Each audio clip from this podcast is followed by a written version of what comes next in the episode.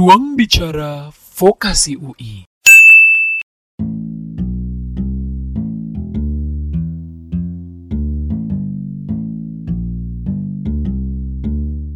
Selamat pagi, selamat siang, selamat sore, atau selamat malam kawan Fox. Senang banget aku Putri hari ini bisa menyapa kawan Fox di ruang bicara Vokasi UI episode Bincang Alumni. Dan hari ini adalah episode perdana dari ruang bicara Vokasi UI. Dan hari ini di Bincang Alumni udah kedatangan Kak Veto. Dia adalah salah satu alumni di Vokasi UI dan nanti Kak Veto ini akan menjelaskan tentang dari jurusan apa, eh, sekarang kerja di mana, dulu pernah magang di mana, tips and trick, kuliahnya ngapain aja. Oke, tanpa lama-lama lagi kita sambut Kak Veto. Yuhu. Halo teman-teman semua, halo kawan Fox. Iya. Panggilnya kawan Fox banget Oh, ya. betul sekali. Ini gimana nih kak? Eh, apa ya rasanya kakak eh, menjadi gue star asik, gue star di episode perdana. Bangga banget antara bangga Ayo, sama bingung. Kenapa sampai aku yang dipilih kan? Tapi Hmm. sampai saat ini ya udahlah bersyukur aja gitu. Bisa mengisi episode perdana ya. Asik. dari ruang apa ini namanya? Ruang bicara vokasi. Aduh, tolong dibaca dong ini. ini tanpa Ruang persiapan. bicara nih. vokasi UI. Iya, seneng banget. Oke, senang banget ya pastinya. Jangan kapok ya kantor kalau kita undang lagi, datang lagi. Iya, siap. Oke, nah ini kan banyak banget kawan Fox yang belum tahu nih Kak Veto siapa. Bisa perkenalan diri dulu nih. Jadi sebenarnya nama lengkap aku tuh Reza Febrianto, tapi emang aku udah ngenalin diri sebagai panggilannya Veto gitu dari zaman kuliah. Nah sekarang kesibukan aku sih paling kerja di agensi periklanan. Udah tiga tahun dan di bulan ini aku genap yang ke tiga tahun. Udah lama ya? Betah juga sih. Oh betah. Bener. Ih bohong apa beneran nih betah nih? Insya Allah. Semoga nanti lanjut terus jadi bos jadi bos terus atasnya bos itu apa tuh namanya itu? Amin. Amin. Iya. Kalau boleh tahu nih dari jurusan apa nih kak? Aku jurusan periklanan dong, jurusan paling keren. ya. Komunikasi Oh, periklanan. mohon maaf nih. Ini kalau ini nih sebenarnya mau ngasih tahu nih sebenarnya Kak ini dulu kakak tingkat. Dia bilang paling keren jurusan jurusan saya paling keren nih. BC. Eh. Angkatan berapa nih Kak? Aku angkatan 2014. Udah tua ya. Iya. Nah, kalau boleh tahu nih kenapa dulu awal ini kakak milih vokasi UI? Oh, ini lucu sih. Sebenarnya Bikin ketawa nggak lucunya? enggak sih. Ya udah. nah, jadi pas lagi ngisi SIMAK nih pendaftaran SIMAK, milih kan jurusan. Duh, apa ya? Oh, pilih deh eh, D3 juga nih. Terus dilihat nih ada komunikasi, komunikasi hubungan masyarakat. Oh, kayaknya nggak tertarik penyiaran, hmm, biasa aja. Terus lihat periklanan gitu.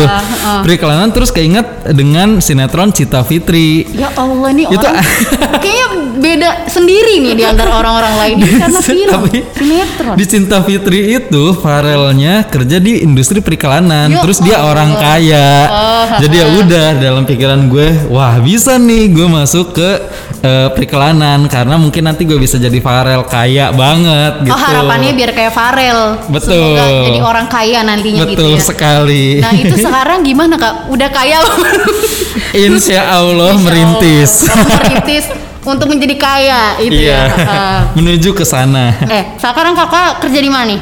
Oh, aku kerja di IDC Indonesia. Apa itu tuh? part of sister company-nya Hakodo International Indonesia. Aku sebagai senior digital manager. Ngapain aja nih kalau kerjanya di situ?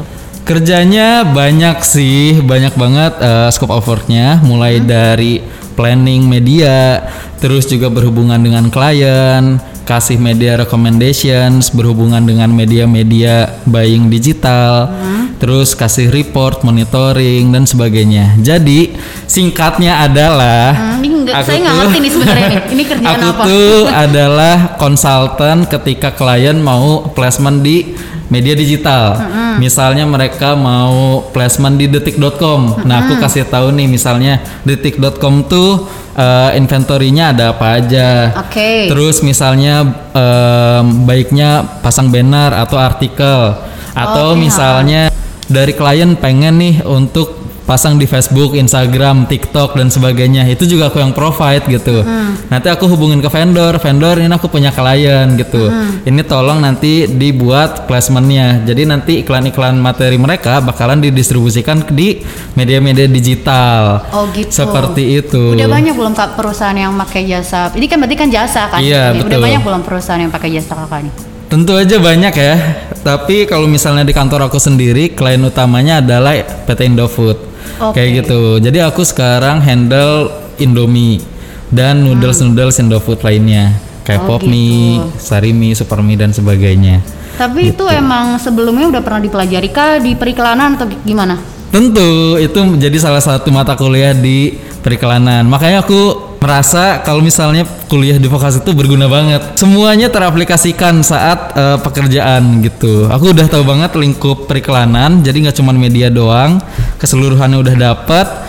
Secara theoretically dan practically aku udah dapat. Jadi ketika masuk ke kerjaan aku bisa kecap langsung gitu. Aku bisa langsung naik jabatan secara cepat Asik. dalam tiga tahun. Ini kan mungkin banyak banget kamar Fox yang belum tahu sebenarnya periklanan itu kuliah itu ngapain, teorinya itu ngapain, prakteknya itu ngapain. Mungkin kakak bisa jelasin banyak, jangan dikit deh kak banyak. Jadi periklanan kalau misalnya ngelihat orang iklan biasanya billboard, TVC Iya, gitu. betul.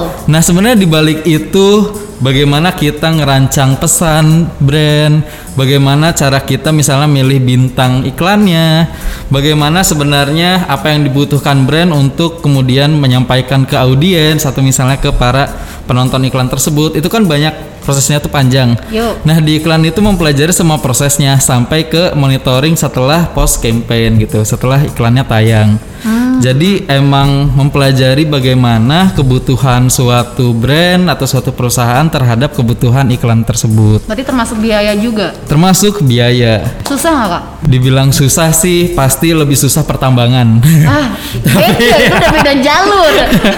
Tapi em, ini cukup bisa dikonsumsi, cuman emang cukup susah juga.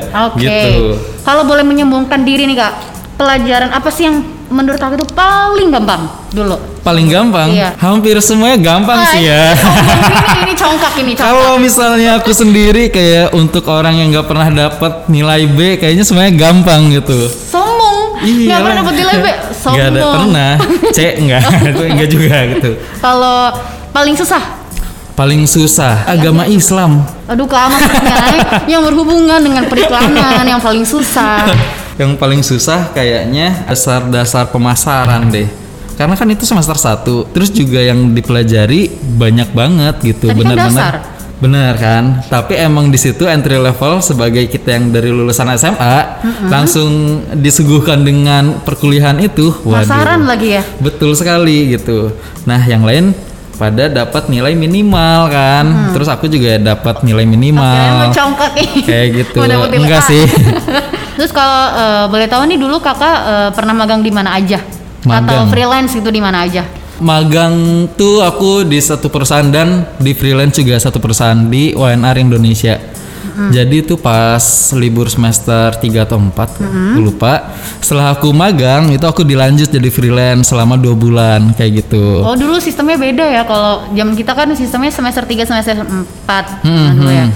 Kalau zaman sekarang pas tuh- libur. Heeh, dulu pas Ha-ha. libur kalau sekarang itu harus Nah. semester 6 sekalian sama TKA kalau sekarang. Hmm. Kalau selama kuliah ini mata kuliah yang paling berpengaruh nih sama ketika kakak kerja Banyak sih em, media baru, lalu juga ada tentang dasar-dasar media, lalu juga dengan pengaplikasian media, dan yang terakhir adalah praktikum periklanan karena itu langsung praktik. Iya gimana gimana? Hah, jadi di praktikum periklanan itu kita emang bikin satu proposal khusus, langsung pitching langsung juga gitu dengan brand asli. Pas itu tuh Google gitu. Nah ya udah bikin tuh satu proposalnya termasuk kreatif, media dan semuanya gitu. Nah itu menurut aku yang bikin kita kayak terjun langsung gitu nge-catch up sih kliennya. Mau congkak lagi pas itu emang kelompok aku yang menang gitu. Oh gitu. Kamu kalau Iya. menang apa hadiahnya?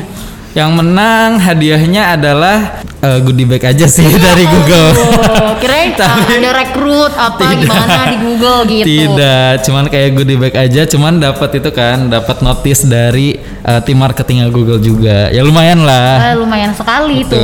Kayak praktikum ketika kakak eh, kuliah nih, praktikumnya aku itu ngapain aja nih? Nambah skillnya banyak banget sih, Apa? mulai dari graphic design, terus juga pembuatan website, lalu juga praktikum tentang itu tadi langsung pitching ke klien, langsung eh, visit-visit ke kantor agensinya gitu. Itu pas semester berapa ya? Semester 4 kayaknya. Banyak banget visit ke banyak agensi.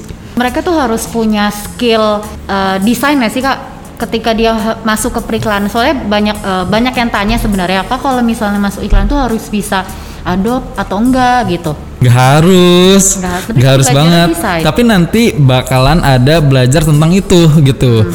Kadang orang yang punya skill tentang Adobe tapi nggak punya tes itu juga nggak bakal bisa survive. Malah Oke. ketika kita masuk dan kita belajar tentang periklanan itu kan bakalan dipelajari juga tuh dasar-dasar desain grafis dan sebagainya. Malah di situ aku langsung belajar, langsung bisa catch up gitu. Tapi kan periklanan nggak cuman posisi grafik desain aja kan, Betul, banyak lagi. banyak. Ada media, terus ada kreatif, kreatifnya juga ada copywriting gitu. Nggak cuman semuanya tentang art gitu. Ada tim account juga. Jadi untuk orang yang aktif untuk kayak ngobrol gitu, supel orangnya itu biasanya cocok untuk jadi tim account atau yang handle sama eh, brand atau kliennya gitu. Oh, berarti eh, ini Kamar Fox apalagi calon mahasiswa periklanan kreatif tuh nggak perlu takut ya kak kalau mau masuk periklanan itu harus bisa desain enggak ya? Enggak, enggak. Kemampuan untuk berbicara atau menjelaskan itu salah satu soft skill yang penting. Cuma nanti itu juga bisa dipelajari along the way kamu berkuliah atau misalnya bekerja dan magang kayak gitu sih. Waktu kakak lagi liburan semester kan tadi magang ya kak? Iya. Itu tadi eh, kakak ma- magang ini di bagian apa? Aku magang di graphic design. Nah, nah, nah, ini nih. ini nih, melenceng nih dari Betul. pekerjaan kan melenceng kan? Coba ceritain gimana kakak dulu bisa magang di graphic design? Jadi pas itu tuh aku kan masih bingung. Kayak aku skillnya di mana ya gitu. Ya udah karena aku punya portofolio dari pelajaran graphic design gitu dan aku juga ngerasa desain-desain aku cukup bagus gitu. Ya Iya, udah aku aku apply untuk salah satu perusahaan uh, multinasional WNR Indonesia. Jadi untuk graphic design karena lebih mudah untuk aku ngeliatin portofolio aku dibandingkan dengan posisi-posisi lainnya gitu. Terus keterima deh. Terus ya udah aku jadi graphic design intern selama tiga bulan, lalu lanjut sebagai freelance-nya dua bulan gitu. Tapi susah nggak kak waktu kakak, kan maksudnya basicnya emang bukan di graphic design kan sebenarnya ya. Ketika magang ini ngerasa, aduh, kayaknya ini bukan passion. Apa, aduh susah banget sih harus desain, harus ini, harus ini gitu gimana kak? Itu kerasanya adalah em, setelah selesai freelance sih. Jadi setelah selesai Kelar dong ya? freelance, iya. Jadi kalau selama freelance karena ngerasain duitnya ya kayak Oh, wah udahlah bisa aja Demi nih. duit ya. Bener. Apalagi selama ini kerjaan juga bisa-bisa aja gitu. Malah Hmm. ada beberapa kerjaan yang emang eh, langsung dititahkan untuk ke aku langsung gitu. Ya udah, berarti emang aku bisa dan capable untuk ini. Dulu kakak udah ngerasa punya bakat nggak waktu kuliah? Waktu kuliah enggak. Jadi pencarian bakat itu adalah emang pas kuliah gitu. Oh gitu. Terus eh, kakak ngerasa bakat kakak apa nih waktu kuliah nih? Eh, menari, berdansa, enggak deng. Enggak dong. Banyak banget sebenarnya bakat mulai dari aku kan pas itu organisasi juga gitu. ya, heeh. Terus ya udah, mungkin salah satu bakat aku adalah um, interact with people. Terus juga yang kedua bakat aku adalah graphic design ada salah satunya. Terus yang kedua emang lebih ke um, creative thinking kayak gitu. Jadi Oke. lebih ke strategic thinkingnya. Gimana cara ngebawa si uh, problem menjadi solutions gitu. Terus ya udah ya ini apa ini? ketika aku keluar aku mencari pekerjaan yang seperti itu gitu. Jadi aku lebih ke account sih pas itu. Dan tadi kan kakak sempat nyebutin bahwa kakak ini dulu aktif ya, di, maksudnya ikut organisasi gitu ya selama kuliah. Kalau boleh tahu dulu, kakak ini ikut organisasi apa nih? Aku himpunan mahasiswa Kayak kenal nih. Vokasi Komunikasi UI 2016. Kayak kenal Saatnya apresiatif. Eh iya iya. iya. Soalnya ini kayak kenal, ini kafe tuh kayak kenal nih yang mau jadi narasumber nih. iya. Eh, UKM eh, himpunan nih. Iya. Dulu kakak ngap, apa jabatannya? Aku pertama Congkak jadi dong kak, congkak nih. jangan dulu congkak. Iya, jadi iya. aku pertama start dengan staff Kominfo gitu. Oh pertama staff kominfo. Langsung di tahun berikutnya aku jadi ketua. Iya. Congkak dong. Betul. Saatnya mengeluarkan kecongkakan. Nah ini nih, kan dulu aktif di organisasi nih, apalagi jadi ketua. Hmm. Eh, gimana sih kak cara bagi waktunya selama kuliah jadi Hmm. ketua harus belajar harus mengerjakan tugas organisasi Wah, itu emang kesulitan sih. apa? Kamu harus mengorbankan salah satunya yaitu jam istirahat. Oh gitu, jadi Iya, istirahat betul. dong? Jadi istirahatnya sangat minimal sekali. Hmm. Karena aku ambis di kuliah, tapi aku juga nggak mau melepaskan organisasi gitu. Gitu. Jadi mungkin istirahat yang agak diminimalisir. Sama aku tidak punya kehidupan pribadi untuk berpacaran. Ya Allah, sedih banget. Jadi ya udah. jomblo. Benar, jomblo aja selama Ya. kuliah gitu. Ya Nggak Allah, pernah mikirin punya pacar. Nah sekarang udah punya pacar belum nih? Tentu saja tetap belum. Nah ini, ini kawan Fox mungkin yang mau sama Kak Veto nih bisa hubungin aja nih ke Instagramnya apa Kak? Coba kasih tahu. Iya betul, langsung Gak apa Instagram ke apa? Reza Veto pakai F ya. Iya. Waktu kakak kuliah di vokasi ini membantu kakak dalam mencari pekerjaan nggak? Iya membantu. Selain karena reputasinya, jadi em, banyak banget lulusan alumni, lulusan alumni, alumni aja. alumni yang emang langsung berkecimpung di dunia yang aku pengen geluti yaitu agensi periklanan gitu. Jadi udah well known reputasi mereka juga oke gitu. Jadi ketika ngelihat oh UI, oh D3 juga udah oke gitu dari mereka untuk penyerapannya. Lalu selain itu membantu karena link. Jadi emang yang ngasih untuk lowongan kerja itu kebanyakan dari alumni gitu, dari kakak tingkat semuanya. Dan yang ketiga karena emang eh, dari vokasi UI ini udah langsung ngasih aku bekal skill. Jadi emang ketika aku terjun ke sana, aku nggak harus beradaptasi terlalu terlalu susah, Susah, iya, iya. Jadi aku langsung tahu gitu sebenarnya environment dari agensi periklanan itu seperti apa. Iya, ok- ini kan di vokasi ini banyak banget ya mitranya. Nggak cuma Hakuhodo doang nih. Hakuhodo juga termasuk eh, mitra di vokasi ini banyak banget. Kalau boleh tahu apa spesifik kakak untuk milih Hakuhodo waktu itu? kesempatan yang datang pada saat itu adalah Hakuhodo. Jujur ya. dan iya, dan secara nama juga Hakuhodo cukup eh, ternama ya. Hmm. Maksudnya dia agensi periklanan nomor satu berturut-turut gitu menurut Citra Priwara. Asik. Ya sudah gitu, aku apply saja dan sa- pada saat itu bisnis unit yang membuka lowongan adalah IDC Indonesia gitu. Salah satu Hmm. bisnis unitnya Hakodo yang bergelut di bidang media digital. Aku kemudian masuk ke situ, keterima dan kebetulan emang yang jadi bos aku adalah dosen aku sendiri gitu. Oh, jadi gitu. mereka eh jadi beliau udah kenal aku gitu. Jadi ya udah. Pada saat mahasiswa aku juga cukup aktif, jadi lebih mudah untuk masuknya seperti itu. Jadi bos sekarang. Iya, dia direkturnya sih. Oh gitu. Betul. Enak dong ya. Bahkan ya kontak di WhatsApp aku sekarang masih Bahana dosen namanya Bahana. Oh, Bahana. Tapi aku masih eh, kasih nama dosen. Mahasiswa vokasi ini lulusannya ya lulusan mahasiswa vokasi atau bahkan mahasiswa yang sedang magang ini banyak nggak yang ada di ADAC atau Hakuhodonya sendiri? Banyak sih kalau misalnya ya? ah bisa dihitung. Jadi sebenarnya kan Hakodo tuh ada enam entitas. Nah em, kalau misalnya yang di business unit aku mungkin emang jarang, tapi di entitas lain seperti Hakodo Indonesia itu lumayan banyak gitu. Dan emang em, secara serapan juga cukup baik untuk eh, teman-teman vokasi UI ke Hakodo Digital, Hakodo Indonesia untuk eh, kemudian magang dan kerja di sana. Berarti banyak ya yang magang juga banyak nih. Magang Biasanya banyak. Berapa? Satu semester biasanya ada berapa? Kayaknya sekitar 2 sampai 5 ya. 2 sampai Ah, 5 tapi orang. tersebar di beberapa entitas sih. Oh, kalau angkatan kakak yang kerja di itu di Hakodo ada berapa? Di entitas aku sendiri aja sekarang mungkin ada sekitar 4 atau 5. Banyak ya? Iya. Terus di entitas lain cukup banyak juga, terutama ada alumni dan adik-adik tingkat yang aku nggak tahu. Tapi banyak menurut aku. Berarti kayak kakak pin eh, kalau itu diibaratkan sekolah lagi berarti kayak tinggal pindah sekolah gitu ya. Iya, iya Kayak benar. ketemu sama circle vokasi vokasi juga Iya, gitu kan. ah. karena ketika kita kayak nyari tenaga kerja, aduh siapa ya yang buat posisi ini? Kita udah tahu gitu, eh, adik tingkat atau misalnya teman sangkatan kita yang punya skill ini gitu. Jadi kita tawarin ke mereka pekerjaan ini. Dan sejauh ini emang dari lingkungan kantor juga udah setuju kalau misalnya lulusan vokasi UI juga cukup punya nama gitu. Gitu. Dan integritas tinggi. Ini aku eh, agak balik lagi nih ya ke zaman kakak sekolah nih. Iya. Dosen yang menurut kakak itu paling asik saat ngajar. Hmm. Namanya adalah Mas Adwin. Oke, gitu. Mas Abin. Terngiangnya apa? Terngiangnya karena dia tegas banget. Tegasnya tuh emang tegas yang em, berkesan gitu loh. Dia ngajar pas itu em, teknik negosiasi. Dari situ kita ngebahas beberapa buku. Dia punya teknik ngajarnya sendiri. Kita harus baca bukunya. Terus kita ketemu lagi di praktikum periklanan yang tadi aku sebutin gitu. Di situ karena dia emang punya banyak koneksi. Jadi dia ngundang langsung klien untuk ngasih ke kita tugas-tugas dari brand itu.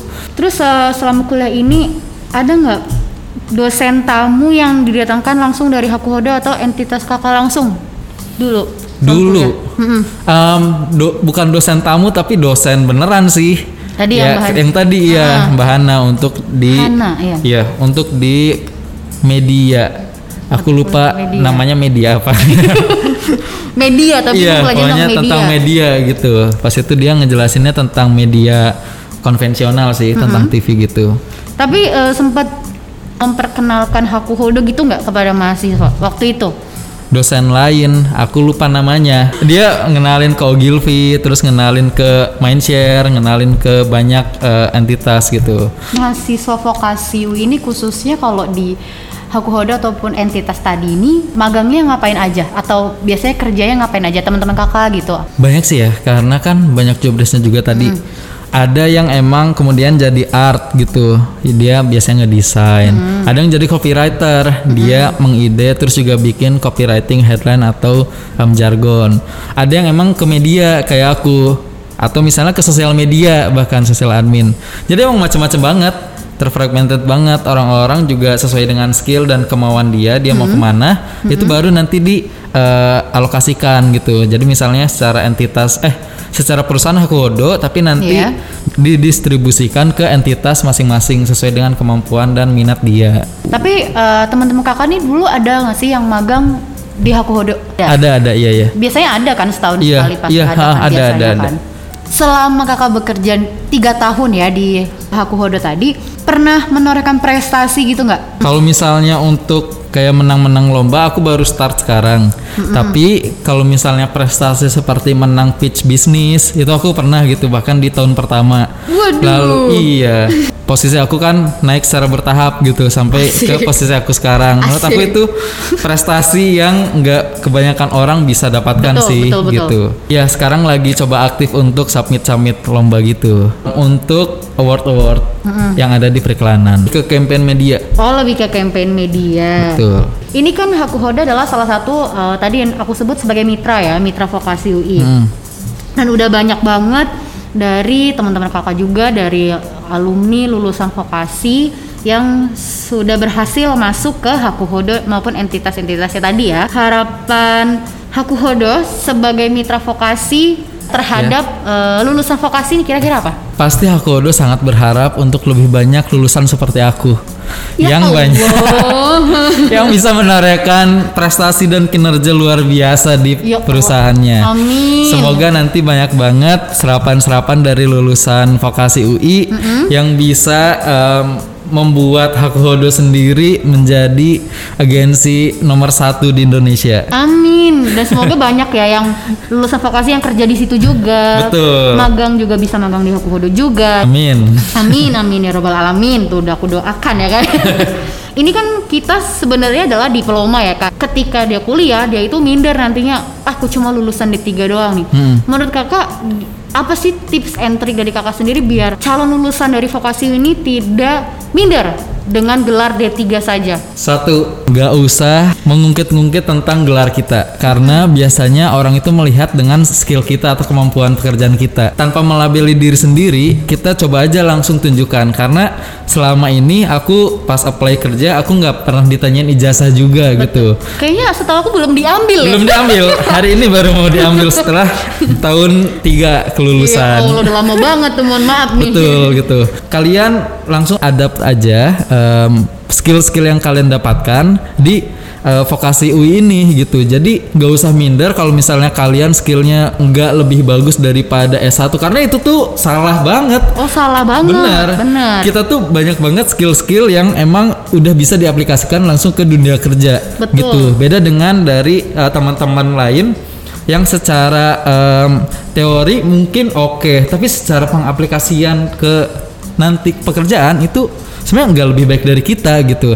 Kita masih lebih bisa. Tuh. Apalagi vokasi ini juga udah emang menekankan praktik banget ya, menekankan Bener, praktik banget dan juga udah banyak nih kerjasamanya dengan industri-industri. Vokasi ini UI ini udah banyak kerjasama sekitar ya lebih adalah lebih dari 150 mitra Wih, hebat banget ya. Berhitung sampai tahun ini ya Iya. itu udah banyak daya serap mahasiswa eh lulusan dari vokasi ini tinggi harusnya seperti itu ya Iya, harapannya gitu Iya, ya. harapannya.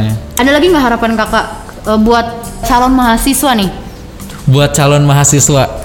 Buat calon mahasiswa, kalian jangan ragu atau jangan malu ketika kalian mau daftar di vokasi UI karena pertama kenapa malu gitu.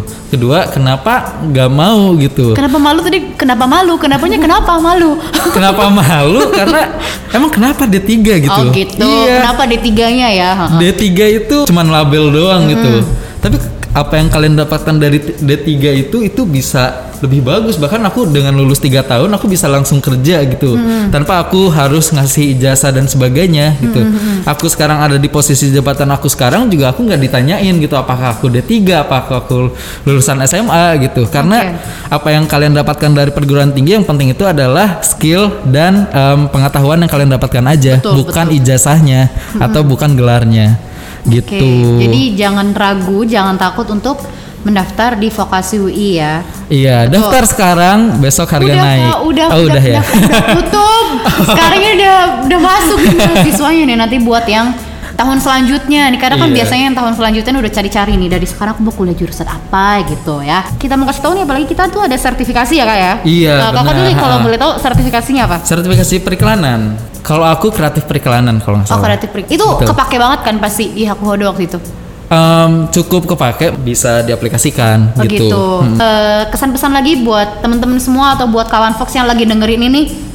Em, buat kawan Fox, semangat terus kuliahnya. Jangan lupa aktif untuk berorganisasi. Azik. Aktif di dunia perkuliahan juga. Jangan lupakan kehidupan kalian. Jangan ya, jangan sampai jomblo ya di Betul kuliah. sekali. Tapi nggak apa-apa kalau jomblo pun gitu karena bakalan banyak yang ngejar Iya. setelah kalian sukses bekerja. Amin, ya Allah, amin. Ya, pokoknya ah. banyak-banyakin eh, pas kalian kuliah itu cari em, kenalan kakak Network tingkat, ya, ya, networking dari dosen, Betul. terus kemudian dari kakak tingkat, dari teman seangkatan. Karena Betul. kerasa banget pas aku di dunia kerja sekarang, teman-teman atau misalnya partner kerja aku adalah teman-teman aku sendiri ketika kuliah gitu. Enak ya jadinya kayak ya udah tem- sama teman-teman seangkatan Iya, ketika aku meeting sebaya, gitu. kayak satu meja, loh kok ada lu gitu, Iya. loh kok Eh, ada kok lu sih? gitu, Eh, iya, kayak sempit banget Oh, dunia gitu. bidang pekerjaan aku ini. Sempit dunia ini. dunia ini sempit banget gitu. Iya. Kawan Fox, itu tadi bincang-bincang Putri dengan Kafeto. Terima kasih banyak Kafeto udah datang di episode perdana Ruang Bicara Vokasi. Yeah. Uh. Yeay, eh, Senang eh, dulu dan eh, tepuk tangan eh, dulu. tepuk tangan ya semuanya. Semoga ini uh, perbincangan kita bisa bermanfaat bagi calon mahasiswa, Amin. bagi mahasiswa yang sedang kuliah saat ini maupun bagi alumni-alumni vokasi UI dan Iya. kawan Fox yang sedang mendengarkan ruang bicara vokasi UI.